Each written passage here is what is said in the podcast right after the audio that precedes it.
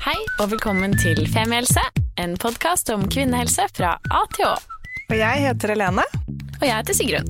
og vi har startet denne podkasten fordi vi mener at det bør snakkes mye mer om kvinnehelse. Så la oss snakke. Nei, var det det vi skulle Helene. si? Halleien. Har du ikke vært i Bergen før, eller? Sigrun sier før opptak som vi sier i kor, og jeg ser på det bare Hva da? Hva er det vi skal si i kor? Men det var tydeligvis halleien. For vi er nå live fra uh, Strandgata. Ja, i- Gaten. Gatan i Bergen. Ja. Vi er på tur. Ja. Det er skikkelig stas. Det er første gang vi er på tur. Ja, er, ja, ikke sånn generelt sett i livet, men med podden i hvert fall. Jeg har aldri vært utenfor Oslo før. jeg. Nei, Sigrid måtte skaffe seg pass. Det var et helvete for å få henne gjennom Gardermoen. Men, nå- men nå er vi her. Gråt meg gjennom flyturen. Men så Ja. kom vi oss i går til Hovedbiblioteket i Bergen og Amalies hage, hvor vi hadde en strålende boklansering i Bergen. Ja, det var skikkelig hyggelig. Det kom gøy. folk. Ja. Det Folk var- vi ikke kjente, Folk vi ikke kjente. og noen vi kjente, da. Men uh, det var skikkelig gøy. Vi hadde sånn, eller jeg hadde i hvert fall ingen forventninger. Nei. Fordi jeg føler liksom Vi er på et nytt sted. eh, Jeg vet ikke. Mm. Altså Gjengen vår, de som skylder oss å møte opp, vennene våre, Mm. familien vår, altså de er jo i Oslo. Så de vet vi liksom sånn Dere må komme. Ja. Det er en liten sannhet med modifikasjoner der, da, fordi du har jo hele svigerfamilien din. Og de kom, og det var skikkelig hyggelig. Men det var ikke fem stykker der. Nei. Nei, det var liksom en gjeng til. Jeg synes Ja. det var skikkelig hyggelig. Ja. Ja. Og så er det litt hyggelig å kunne snakke med eksperter som ikke bare sitter i Oslo. For det er jo ikke sånn at de beste alltid bare sitter der. 100 ikke. Um, men det er Altså, vi er, har jo lyst til å snakke med folk sånn at vi ser de i ansiktet, og da vet vi også at livskvaliteten blir best. Mm. Så ja. Ja. Da gjør vi det på denne måten. Så Mm. nå er vi i Bergen, og så er vi veldig åpne for å reise andre steder senere hvis noen kjenner noen vi burde snakke med. ja, veldig gjerne. Og Men- ja, Ja, skal jeg si det? si det. Ja, ok. Så eh, første gjest i Bergen, um, det er Hanna fra MSO Bergen. Ja. Velkommen til oss, Hanna. Tusen takk. Veldig hyggelig å være her. Ja, det er så fint å ha deg deg på besøk. Og for alle som da ikke vet hva MSO er, hva er MSO? MSO det er Medisinernes seksualopplysning. Så det er en studentorganisasjon på Medisinsk fakultet i Oslo, Bergen, Tromsø og Trondheim. Eh, Der medisinstudenter drar på skoler, asylmottak, forskjellige institusjoner og har seksualundervisning. Altså, for et tilbud.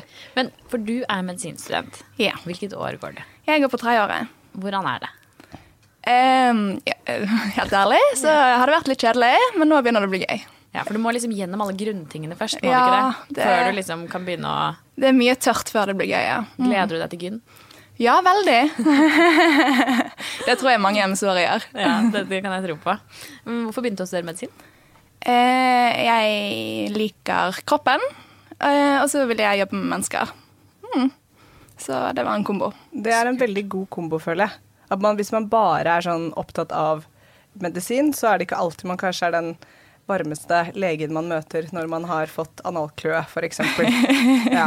Så ja, den komboen er, den tenker jeg er et veldig godt utgangspunkt. Ja, det fungerer så langt i hvert fall. Ja. Så bra. Og når man da er eh, MSO-er, hvor ofte er du ute og eh, underviser? Det kommer jo litt an på hvilket semester man har. Eh, De fleste hos oss de underviser mest når de er på yngre kull, for da er det lettest å droppe forelesninger. sant? Em, så jeg syns det er veldig veldig gøy å undervise, så jeg har gjort det mye. Um, så da er det en opptil ja, flere oppdrag i semesteret. Så vi har ca. i Bergen da, så har vi 100 undervisningsoppdrag i året. Wow, så kult. Ja, vi er mange steder. Men Hvilket alderstrinn er dere underviser på da? Um, vi er aller mest på ungdomsskoler, og så er vi ganske mye på videregående. Uh, innimellom er vi på barneskole. Eh, vi er på de asylmottakene som finnes på Vestlandet. Det er jo færre og færre for hvert år som går, da. Eh, og så eh, underviser vi også for mennesker med diverse funksjonsnedsettelser. Så kult. Ok, Si at dere er hos en niendeklasse, da. Ja. Hvordan, altså, kan du ikke fortelle litt om hvordan foregår det? Eh, ja. Niendeklassinger er veldig forskjellige fra hverandre.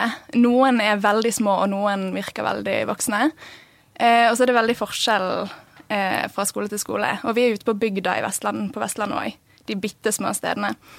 Eh, men vi ja, underviser i hvordan menneskekroppen ser ut. Altså kjønnsorgan, anatomi, fysiologi. Hvordan det ser ut, hvordan det fungerer.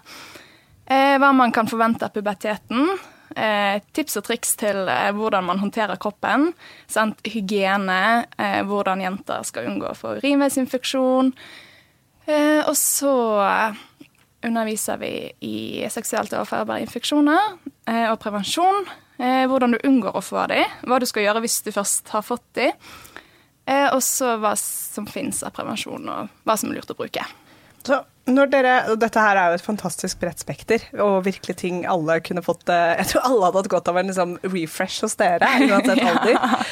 Men er, det, um, er dette nytt for de dere møter? Eller har de hørt og lært altså Hvis du møter en niendeklassing, er dette sånn mind blown, eller har de hørt om dette før? Eh, det varierer litt. Eh, noen ganger så møter vi jo niendeklassinger som kan helt fantastisk masse, og som er utrolig gode på kildekritikk, eh, og som gjerne har hatt reflekterte samtaler om vanskelige temaer før.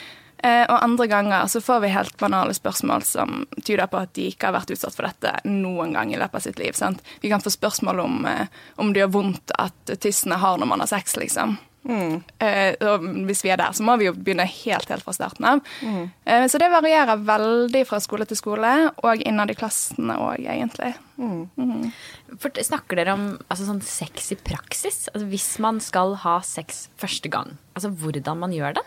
Ja, vi gjør egentlig det. Veldig mye. Um, altså, vi kommer jo ikke der for å gi instruksjon til sexstillinger, liksom. Vi demonstrerer ikke 69, um, selv om mange spør om det. Uh, men vi snakker vi prøver å gjøre det så håndfast som mulig. Det, hvis du forteller en niendeklassing du må respektere dine egne grenser, ja, hva betyr det? Ingen vet hva det betyr. Sant? Du må ta det på et mer håndfast nivå. Hva er et uh, håndfast nivå på det? Um, tenke over hva du selv har lyst til. Uh, hvor du syns det er greit å bli tatt på. Hvem du kan tenke deg skal ta på deg. Noen mennesker er det OK at de tar deg rundt skulderen, og så vil du ikke at de skal ta deg på innsiden av låret, mens andre er det kanskje greit at de tar deg på innsiden av låret. At man skal tenke over de grensene ved seg selv, eh, og hva du har lyst til å gjøre, og hva du virkelig ikke har lyst til å gjøre.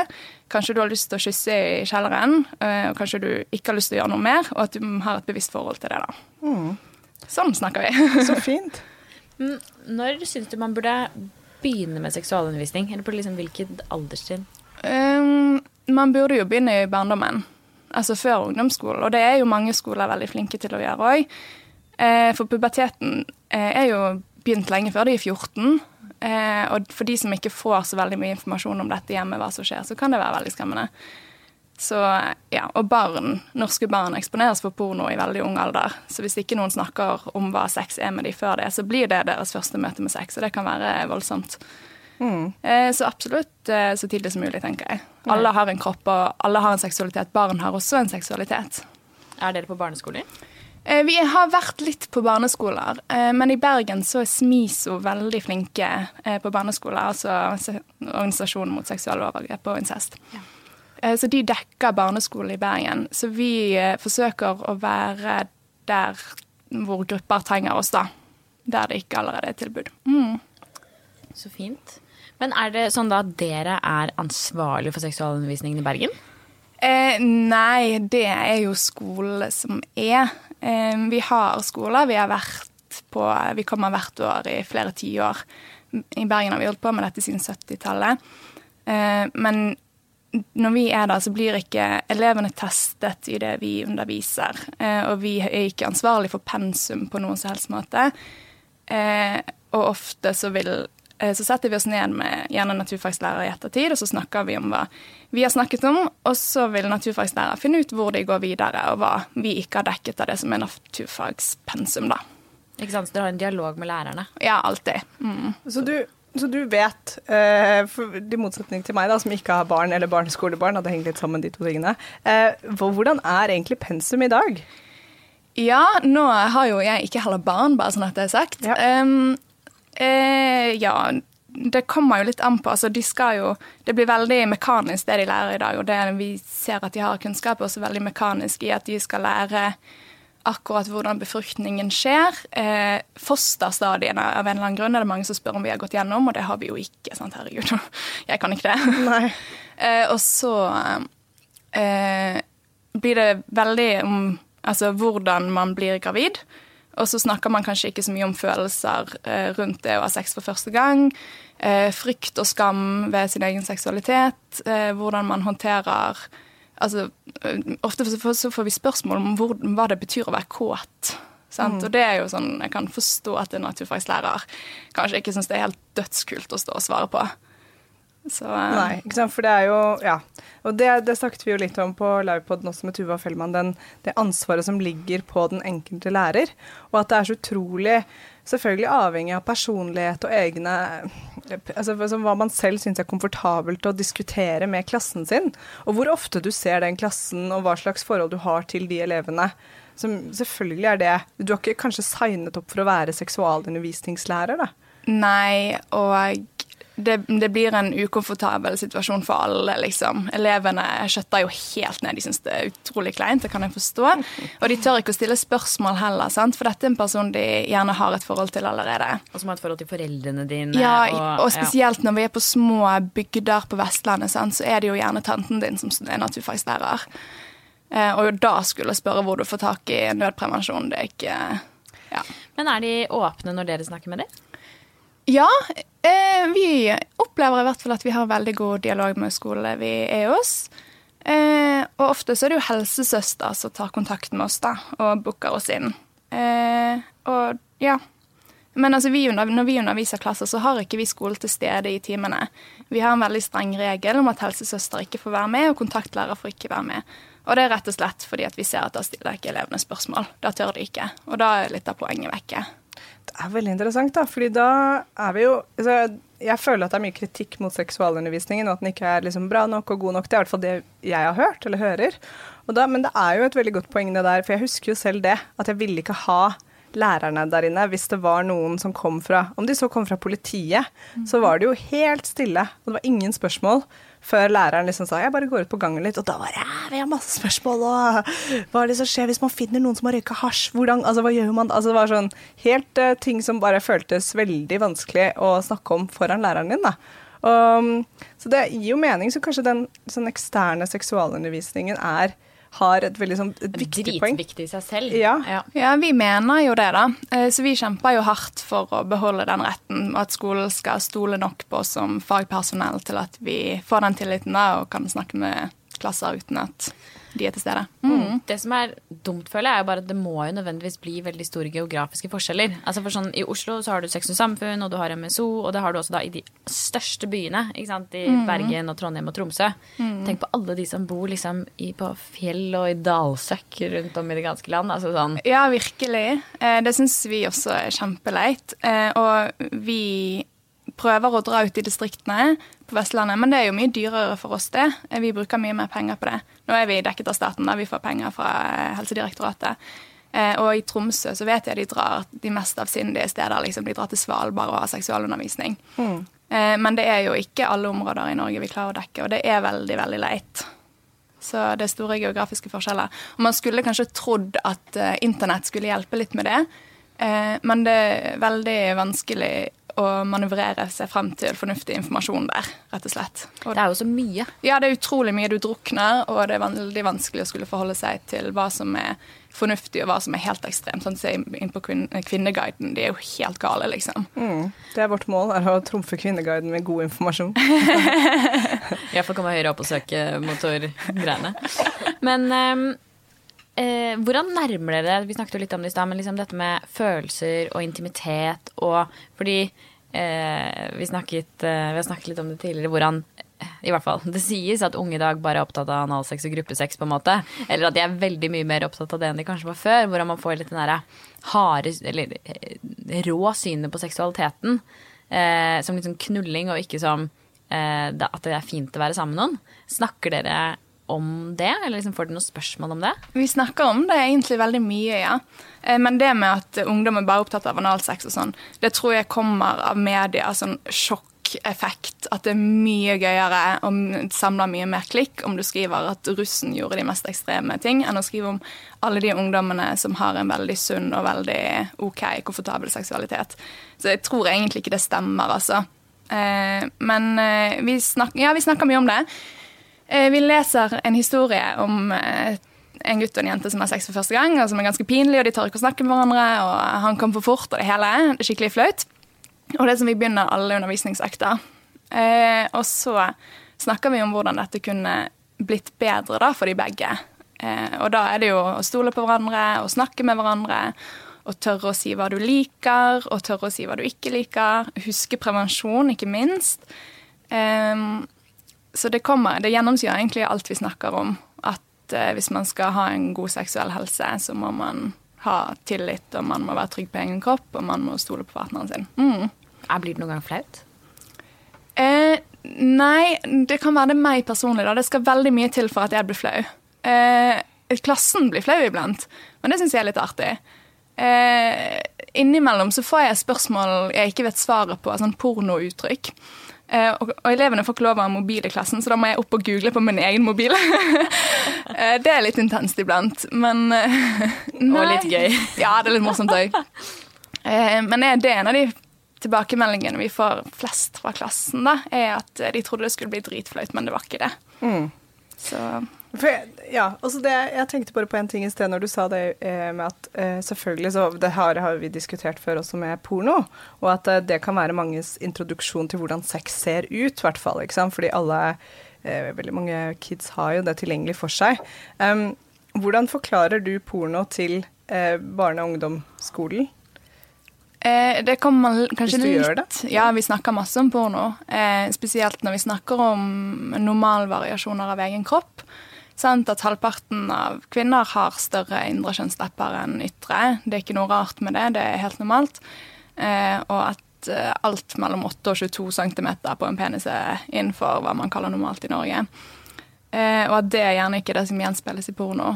Eh, og så snakker vi mye om eh, hvor forskjell på hva man ser på film, og hva man opplever i virkeligheten, hvordan det er. Eh, og vi går jo egentlig ut ifra at mange av de vi snakker med, har jo sett på porno allerede. De vet hva vi snakker om. Eh, og det er ganske rått ofte. Eh, og så får, får, vi spørsmål om masse pornoting òg, da. Mm. Eh, men jeg tror at de fleste unge egentlig forstår at de ikke reflekterer virkeligheten. Det er i hvert fall sånn jeg opplever klassene. At de er veldig nysgjerrig på det, og selvfølgelig er de nysgjerrig på det. Det er jo, det er jo sjokkerende.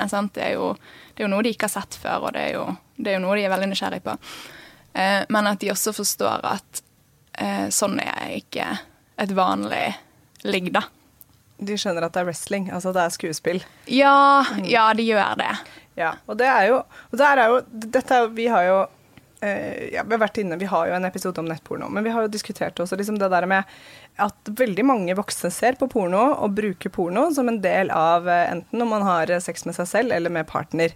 Men så allikevel så er man da livredde for at barn eller unge får den opplevelsen. Men det er jo også, eh, tenker jeg, uten at jeg kan dette, bare fordi man ikke at ikke, man er redd for at ikke de har rammene til å forstå det, og at de da blir veldig påvirket og tror at liksom at, at alt det som skjer på porno, er også det som skjer på et vanlig soverom til enhver tid, da. Ja. Um, ja, det er godt mulig. Mm. Uten at jeg skal si noe fasit her heller. Men eh, jeg tror også at mange eh, foreldre eh, syns det er veldig vanskelig å forholde seg til barnas seksualitet. Eh, og syns det er veldig vanskelig å skulle eh, snakke om det. Og syns det er vanskelig å skulle fortelle dem hvordan de skal forholde seg til sin seksualitet. Og da blir dette med porno det blir så ekstremt, sant. Det er jo så ekstremt på den skalaen der du skulle gjerne ønske at de var trygge på seg selv, eh, til å gå og tro at analsex hva alle gjør. Ikke sant. Og det får vi også mange spørsmål om. om det er normalt å, få, å ha analsex. Og så veldig mye eh, Jeg får ofte spørsmål om eh, eh Får jeg bæsj på tissen hvis jeg har analsex? Og sånn, ja, det må du nesten regne med, liksom. ja, dessverre. Ikke sant? Men vil du ikke, vil du ikke, det, så er det en enkel løsning, og det er bare ikke analsex. Mm. Og det, vi hadde en veldig sånn søt historie fra en kollega som fortalte at uh, de hadde under middagsbordet på en eller annen måte, det er jo da ofte samtalene skjer, så hadde det vært et eller annet med uh, hvor sønnen hadde sagt noe om doggystyle. Og så hadde faren blitt sånn oh, oh, OK, vi er der. Ja, vet du hva det er? Ja ja, det er når mannen står bak dama når man har sex. Han bare ja, hvordan vet du det? Nei, læreren forklarte det. Fordi da var det noen av gutta som hadde tullet med det i klassen, og bare sagt liksom doggystyle helt, og så hadde læreren bare sagt sånn, ok, nå skal jeg forklare dere hva det er. Og så skjønner dere at det liksom, dere kan gjerne tulle med det, liksom, liksom leke med det og snakke om det, liksom, men det er, nå vet dere hva det er. Og da var det sånn, Han sa at det var en veldig sånn god introduksjon til en samtale om OK, hva mer kan du? Er det noe annet du lurer på som du vil spør spørre meg om? Og han var egentlig sånn Nei, jeg var fornøyd med det. Han visste hva doggystyle var, og var, han hadde ikke så mye mer spørsmål egentlig akkurat der og da. Men det er jo noe med at um, kleinheten kan vel kanskje også ofte komme fra foreldrene, ikke fra barnet. Ja, og jeg tror også det er en veldig god måte å gjøre det på. Eh, at du setter deg ned med barna, og, og du er helt ærlig. Sant? At du forteller sannheten, og at du ikke prøver å tulle vekk spørsmål. Eh, og ofte er tullete spørsmål og tull er et uttrykk for noe de faktisk lurer på. At du tar det seriøst, setter deg ned uten å gjøre noe større sak ut av det enn det det er. Mm, det tror jeg er kjempelurt. Sikkert også for å ikke skape skam på en eller annen måte. Altså jeg tenker sånn, Hvis man har et spørsmål om seksualiteten sin, på en eller annen måte, ja. og det blir tatt useriøst, så blir man sånn Å, dette burde jeg kanskje ikke spurt om. Og, altså Jeg burde ikke tenke på dette. Eller... Ja, eller å, jeg er dum, mm. som ikke vet dette allerede. Ja, veldig. Eh, og så når det, når det kommer til ting som man skulle trodd kanskje var enklere å ta opp, da, som barn opplever som utrolig vanskelig. For eksempel så står vi der og snakker masse om onani. sant? Eh, og så sitter det et par gutter der som syns det er helt sykt vondt å runke, for forhuden er altfor trang, og de vet ikke hva de skal gjøre med det, og de tror at det er noe galt med deres egen kropp. Eh, og det er litt vanskelig egentlig for oss òg, for de kommer til oss og spør. Eh, og så sier vi jo at det av og til så vokser tissen fortere enn forhuden klarer å følge med, liksom.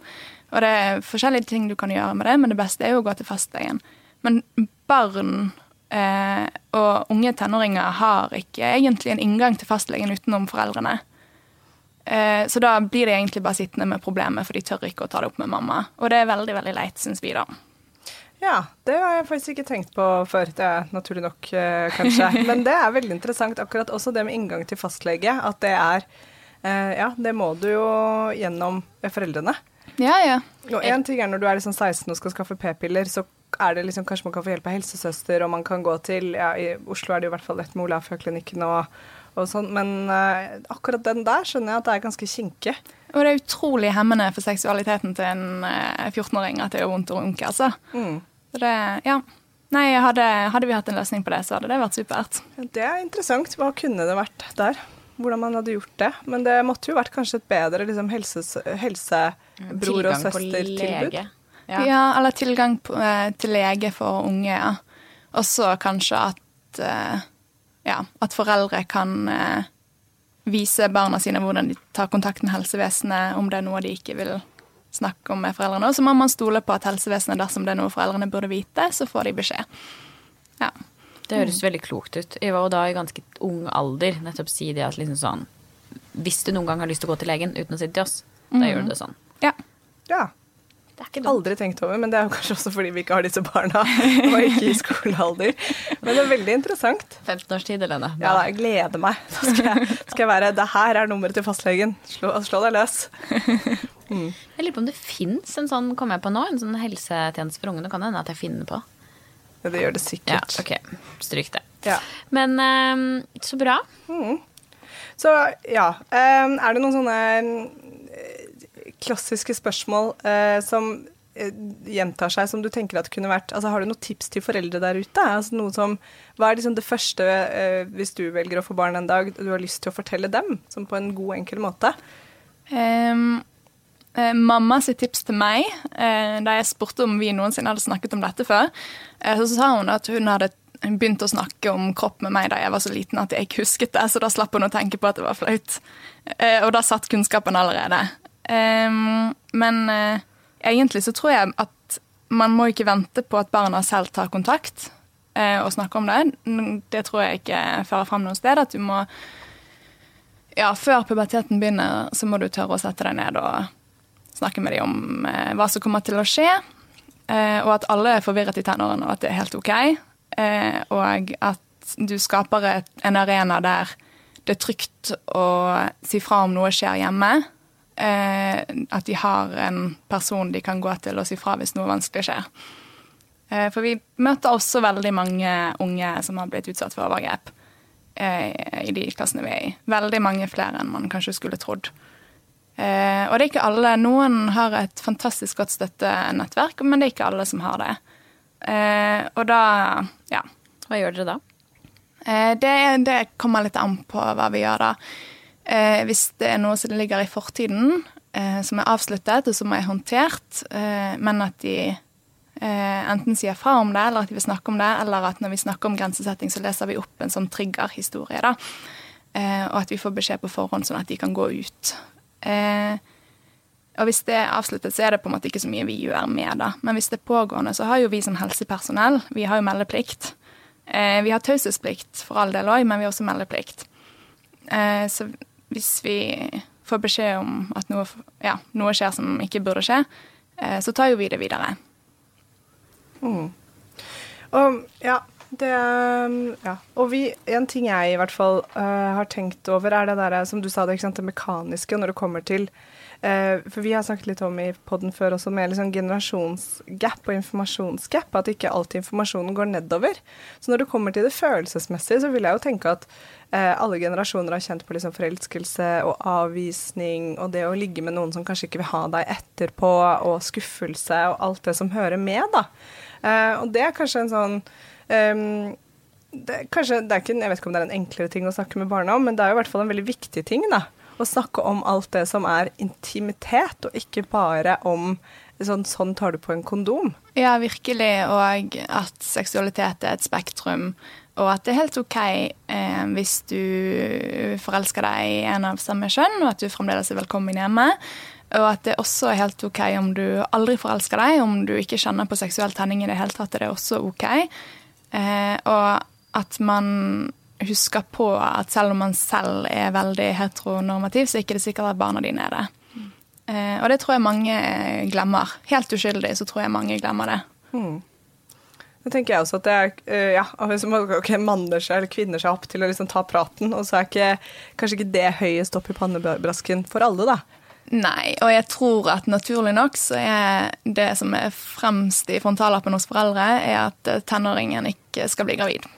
Ja. Eh, ja. Og så faller på en måte alt det andre er litt sekundært til det. Yes, akkurat det. um, mm. Så begynn litt tidligere enn det, kanskje. Ja, og så eh, ja, snakk eh, Bruk normale ord. Eh, og snakk med barn som om de var personer, de òg.